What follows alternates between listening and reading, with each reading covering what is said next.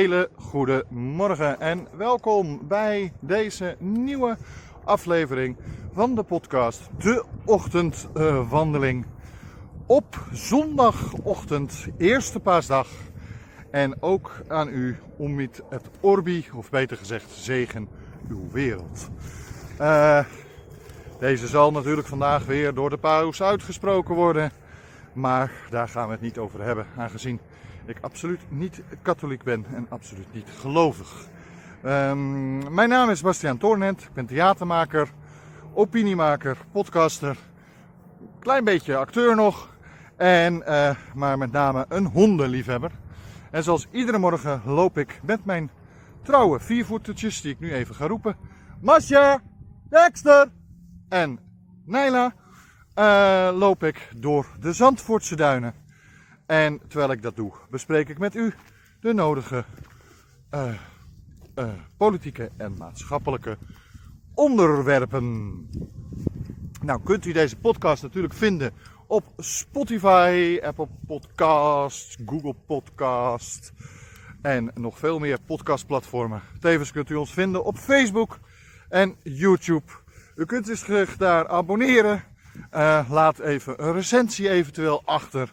Uh, en natuurlijk mag u ook reageren op mijn uh, podcast, op deze aflevering, op meerdere afleveringen. Doe dat dan even via ochtendwandeling.torenent.nl of natuurlijk bij YouTube kunt u op de filmpjes direct reageren. Uh, zolang het, nou ja, gewoon normale beschaafde reacties zijn, reageer ik terug. Waar mensen het nodig vinden om te gaan schelden of uh, al dat soort bijvoorbeeld racistische uitspraken te doen. Daar ga ik niet op in. Uh, nou ja, en het lijkt mij zeker op eerste paasdag logisch dat ik dat niet doe. Goed, waar gaan we het verder gewoon vandaag over hebben? Wat is het onderwerp? Nou, het onderwerp is vrij simpel. Uh, dat gaat eigenlijk een beetje over gisteren, als zaterdag. Was het bezinning? Of was het een Judaskus? Nou, de meeste mensen die politiek volgen, die hebben, weten dat wel. Waar dit op slaat. Uh, gisteren, maar voor de mensen die het niet gevolgd hebben, uh, zal ik even uitzeggen. Gisteren, uh, zaterdag, dus de, na Goede Vrijdag, één dag rust, kwam de ChristenUnie in de vorm van fractieleider Segers naar buiten met de melding dat zij niet meer in een kabinet gaan zitten waar Rutte de premier is. Dat ze wel met de VVD gewoon in een kabinet willen zitten, maar als Rutte de premier wordt, dan doen ze niet mee aan zo'n kabinet. Nou, uh, ergens was dat wel een beetje te verwachten dat dat zou gaan gebeuren. Alleen ik moet heel eerlijk zeggen dat ik verwacht had dat dit pas na Pasen zou gaan gebeuren. Um, om een hele simpele reden. Ik dacht dat dat na Pasen zou gebeuren, uh, omdat nou ja, de mensen gewoon deze, het paasreces eigenlijk ter ziele zou nemen om even te bezinnen en wat dan de mogelijkheden zouden zijn. Kijk, met de motie van afkeuring. Oh ja, voor de mensen die onder een steen hebben gelegen. Rutte heeft de motie van afkeuring gekregen. De motie van wantrouwen die er ook grond, die haalde het net niet. Op donderdag nacht. Um, dus uh, hij heeft hem wel een motie van afkeuring. Alleen de VVD heeft hij niet gesteund, wat op zich logisch is. Uh, en ja, ik had wel verwacht dat nou ja, komende week, bijvoorbeeld dinsdag of woensdag, Kaag van D66 en Hoekstra toch zouden zeggen van joh, we willen best een kabinet vormen, willen desnoods zelfs met de VVD gewoon een kabinet vormen zoals het zou moeten. Ere toe, ere toekomt, want ja, de VVD is de grootste, maar uh, wij hebben geen vertrouwen meer in hoe Rutte omgaat met uh, politiek. Dus zolang Rutte de voorman van de VVD blijft, uh, politiek leider blijft en ook, ook de premierskandidaat weer is, doen we niet mee. Die had ik wel verwacht. Ergens had ik zelfs, zoals ik al donderdag of uh, vrijdagochtend in, uh, in een filmpje zei, had ik zelfs verwacht dat Rutte zelf mogelijk na het paasweekend, dus dinsdag, woensdag, zou komen om te zeggen: joh, ik stop er mee, want dat is beter voor het land, et cetera, et cetera. Nou ja, gewoon zodat de VVD minst gezichtsverlies zou leiden, maar ook de andere politieke leiders geen gezichtsverlies leiden. En dan gaan ze gewoon door met een kabinet wat lijkt op Rutte 3. Uh, eh, en dan, nou ja, klaar is Kees. Weet je wel, uh, het zijn harde dingen gezegd, harde dingen gedaan. Maar goed, de, het probleempersonage is weg. Rutte in dat geval. Dus we kunnen weer verder. Zoiets. Maar uh, nu heeft uh, Segers al een voorzetje gegeven daarop. Ik weet niet of het slim is. En ik weet niet eens of het helemaal gemeend is. Al moet ik heel eerlijk zeggen dat ik doorgaans, uh, hoewel ik het met veel punten oneens ben met uh, Segers uh, van de ChristenUnie, ik het wel een zeer integere man vind. Nou, wat betekent dit nou voor nou ja, de nabije toekomst? Dat hij heeft gezegd: wij gaan niet meer met de VVD, uh, of uh, niet meer met Mark Rutte in een kabinet zitten. Nou, dit betekent dat de reddingsactie van donderdagnacht uh, half gelukt is. Want, heel simpel, eigenlijk hebben alle andere partijen, behalve dan D66 en CDA, hebben zijn nog veel harder geweest naar Rutte toe. Die hebben namelijk, naast dat ze ook voor de motie van afkeuring hebben gestemd, hebben ze ook voor de motie van uh, wantrouwen gestemd. Die wilde Rutte uh, ook als premier direct weg hebben. Uh, vonden wat hij gedaan hebben zo erg. En ja, heel eerlijk, ik ben geneigd om die kant ook op te. Dat ze zelfs desnoods in een demissionair kabinet uh, de premier weg wilde halen en dan maar desnoods Hugo de Jonge of uiteindelijk Ollongren uh, als, uh, hoe heet het, als de nieuwe premierskandidaat te laten zijn. Nou, de motie van afkeuring was eigenlijk de redding van Rutte uh, of eigenlijk in ieder geval de redding van het demissionaire kabinet. Zolang hij niet als premier hoeft af te treden, kan hij natuurlijk gewoon met het coronamaatregelen en dergelijke doorgaan. Dus ergens is het voor sommige partijen best te begrijpen dat zij dit doen. Uh, maar uh, nu heeft uh, de ChristenUnie niet voor de motie van wantrouwen gestemd, maar geven nu toch alsnog eigenlijk een soort motie van wantrouwen. En dat is op zich een beetje vreemd. Goed, ik hijg een beetje. Mijn excuses. En zeker voor de mensen die de podcast luisteren. Ik hijg een beetje omdat ik uh, bovenaan een heuvel sta. En ik moet even een van mijn hondjes roepen. Ik ben zo weer terug. Hallo, mijn naam is Bastiaan Toornent en dit is Uit de Schulden, de weg van de meeste weerstand. In deze verhalende podcast vertel ik over hoe ik uit de problematische schulden wist te komen, ondanks de vele vooroordelen, onbegrijpelijke bureaucratische processen en het misdadige overheidsbeleid waar ik tegenaan liep. De podcast en het achterliggende project moeten verandering bewerkstelligen in de vele problemen waar mensen in de schulden tegenaan lopen. U kunt zich abonneren op deze podcast via Spotify, iTunes, Google Podcast en vele andere podcastplatformen. Ik wens u alvast heel veel luisterplezier. Welkom terug natuurlijk. Nou, zoals iedere keer heb ik natuurlijk de trailer van onze geweldige podcast uit de schulden laten horen. En uh, nou, kunt u alles daarover vinden op www.torenent.nl. En daar ziet u ook alles wat wij verder doen in het hele project uit de schulden, de weg van de meeste weerstand. Goed, uh, ik had het over Segers.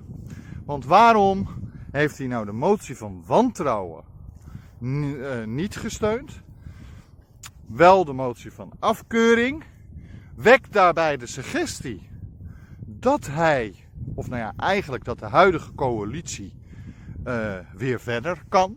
En dat hij dus bereid is om ook met Rutte weer een kabinet te vormen.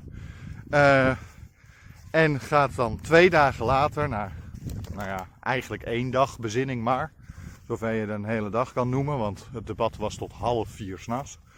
Dus op Goede Vrijdag, half uur, uh, nou ja, s ochtends dan. En uh, na één dag komt hij dan toch naar buiten met zijn, uh, hoe heet het, uh, als ChristenUnie-leider. als, nou ja, blijkbaar heeft hij binnen de ChristenUnie overlegd. En zegt hij dat hij vervolgens niet in een kabinet meer gaat zitten waar Rutte de premier van wordt wel met de VVD wil samenwerken, maar. Maar dan had hij toch net zo goed de motie van wantrouwen kunnen stemmen. Kunnen voor kunnen stemmen, zeggen sommigen. Uh, aangezien dit voor, vanuit de VVD ook klinkt als echt een klap in hun gezicht. Wat ik ergens begrijp vanuit hun perspectief, want hun grote leider is natuurlijk behoorlijk hard aangepakt de laatste dagen. En uh, nou ja, ik vind het terecht dat hij hard aangepakt is. Maar ja, er zijn genoeg mensen die dat vinden van niet. Nou ja, op zich vind ik dat niet een probleem. Uh, dat een uh, politiek leider hard aangepakt wordt. Maar waarom zou Zegers, ik begrijp Zegers wel, vanuit zijn perspectief is het logisch. Want hiermee laat hij niet het demissionaire kabinet vallen. Hij laat alleen Rutte vallen of Rutte 4 vallen. Hij laat zelfs niet een kabinet waar de VVD de premier levert vallen. Bijvoorbeeld een Schippers 1. Want ja, Edith Schippers wordt toch het meest genoemd momenteel. Omdat het nu opeens zo uh, hot item is uh, door alle gedoe van de politiek. Uh, dus ehm, Schippers 1, dat zou voor de ChristenUnie mogelijk zijn. Ik weet niet in hoeverre wij dan beter af zijn hoor. Echt, ben ik heel eerlijk in. Ik, ik ken Edith Schippers niet goed genoeg daarvoor. Want ze is niet heel veel op de voorgrond geweest. Het was natuurlijk eerst altijd de potentiële kroonprins Hans uh, Dijkhoff bedoel ik. Dijkhoff was altijd de potentiële kroonprins. Maar ja, die is er niet meer. En ja, nu zou het dan Edith Schippers kunnen worden. Uh, ik ken haar niet goed genoeg, maar ja, het blijft een premier van de VVD. En dat is in mijn ogen niet iets wat we eigenlijk nodig hebben. Al hebben natuurlijk wel 2,1 miljoen mensen op Rutte gestemd het afgelopen jaar. Nou, uh, Is het dus een Judaskus? Of is het dat niet? Want ja, je kan het ook zien als dat het geen Judaskus is, maar als een, uh, hoe zeg je dat nou? Een, uh, als een bezinning. En heel eerlijk, als uh, zegt dat hij zich bezonnen heeft erop uh, samen met zijn partijkandidaten, dan begrijp ik het al wel. En natuurlijk, er zijn genoeg mensen die zeggen: ja, maar had je nou niet ah, het hele paasweekend kunnen afwachten? Nee, want al deze dagen, Goede Vrijdag, maar zelfs als zaterdag en Witte Donderdag, dat zijn allemaal dagen die voor uh, zegers hele belangrijke dagen zijn. Want uh, ja, hij is gelovig. En ja, hij zou geen fractie samenkomst willen op tweede paasdag of zo. En een grote kans is dat ze dinsdag uh, hier al een besluit kenbaar van moeten maken. Nou, als klein partijtje kom je er nooit tussen. Ik bedoel, D66 en Hoekstra zullen waarschijnlijk dinsdag ook met een verklaring komen. Uh, en ja, heel eerlijk, dan staat de ChristenUnie een beetje aan de zeilen mee te springen. Maar ja, dan komen ze niet in het nieuws. Terwijl nu geven zij voor het paasweekend ook hun eigen kiezers al uitsluitsel. Het voordeel van dat uitsluitsel is dat ze ervoor zorgen dat er duidelijkheid is. Dat is het voordeel.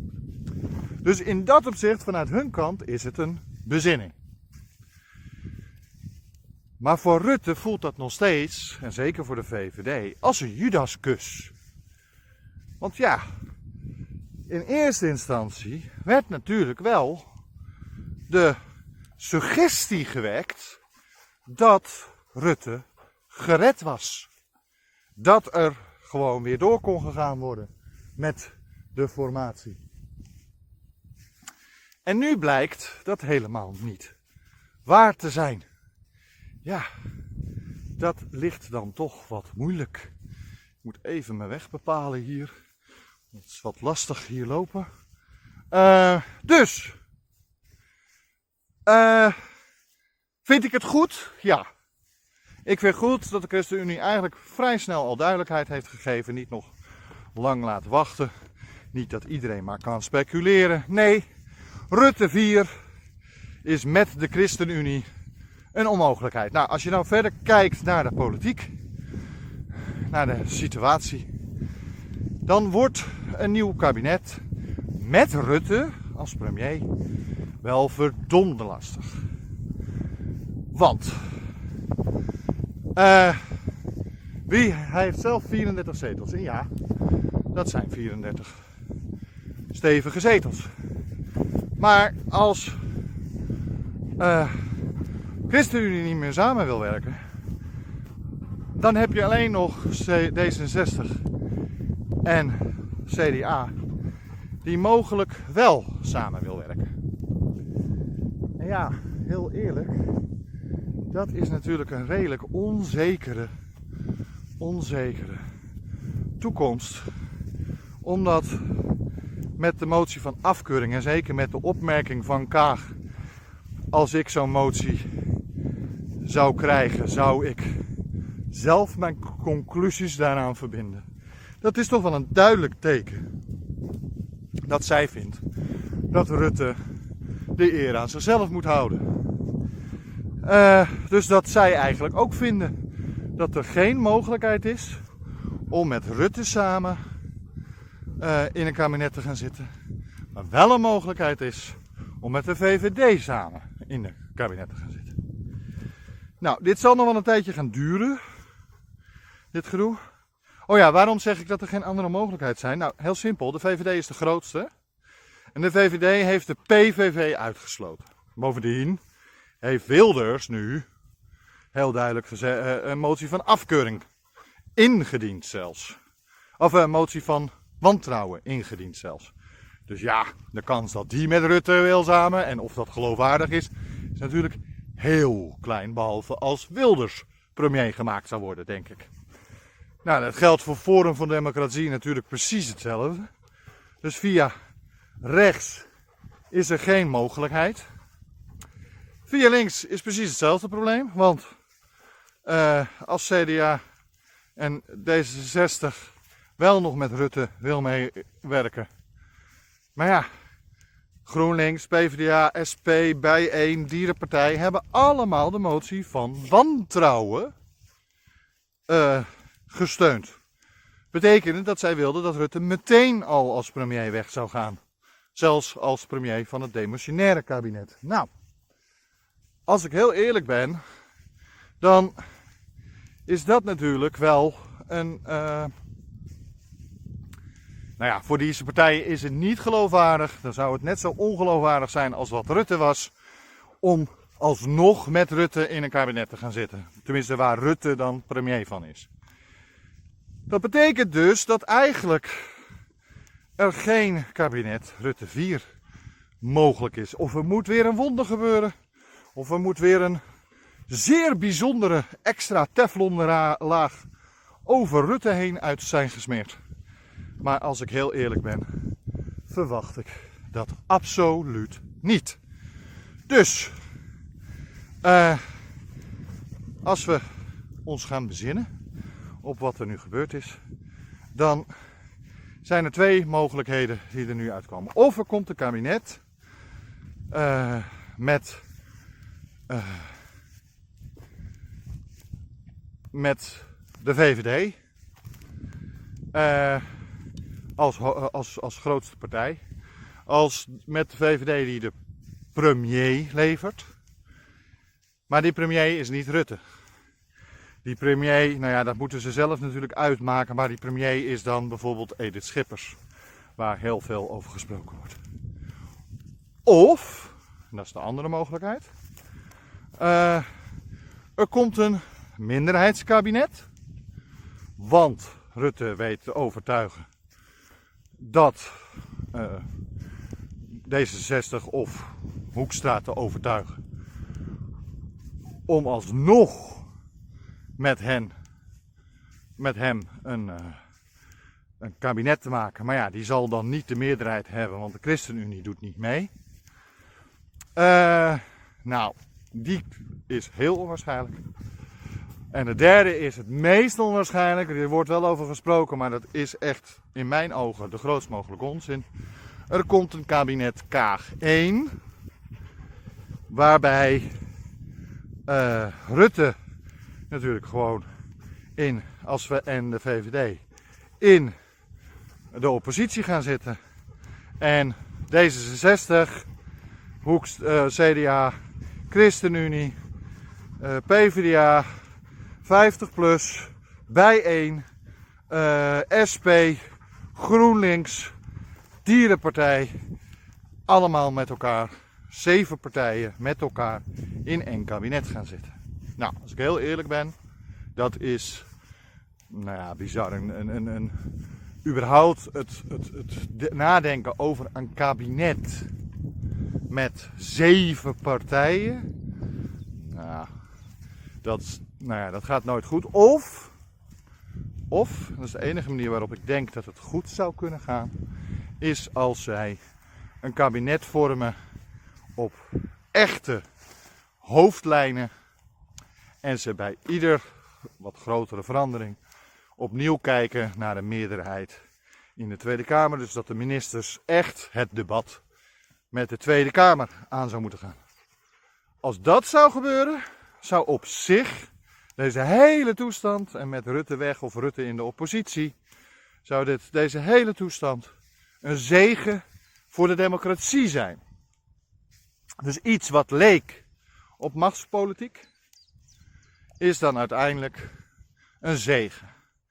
Uh, deze optie is er natuurlijk ook met een minderheidskabinet waar Rutte premier is. Alleen daar heb je ten alle tijden dat Rutte eigenlijk een hele slechte onderhandelingspositie heeft met de partijen waar hij dan samen dat uh, uh, onderhandelings of waar hij samen mee dat minderheidskabinet vormt. Want hij wordt niet meer gezien als geloofwaardig premier.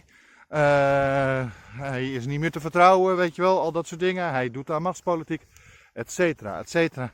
Nou, als hij daarvan wordt beticht, uh, ja, dan moet hij wel heel veel water bij de wijn doen. Zoals ik al eerder wel een keer gezegd heb. Wil die, uh, willen, deze, willen er politieke partners zijn die met hem samen willen werken. dan krijg je nog steeds, want met een minderheidskabinet heb je altijd ook dat je een hoe heet het, een, hoe heet het, een, een, een, nou eigenlijk is dat een politiek feestje. Dat is een eh, democratiefeestje, want min- minderheidskabinet en ook in de Eerste Kamer eventueel een minderheid, krijg je gewoon dat de debatten in de Tweede Kamer een stuk interessanter worden. En dus ook er meer controle is vanuit de Tweede Kamer, zelfs eh, dat er een mogelijkheid is dat ze het kunnen aanpassen. Een bepaalde wet, een bepaalde gedachte, etc. Nou, dat is eigenlijk een beetje waar ik me op bezin. Ik denk, helaas, dat er toch weer een meerderheidskabinet gaat komen. Dat Rutte inderdaad toch als poppetje weggaat. Eh, ik denk niet dat hij met een VVD-premier zelf alsnog in de Tweede Kamer gaat zitten. Hij zal niet fractieleider gaan worden eh, als Edith Schipper premier wordt. Dat denk ik niet.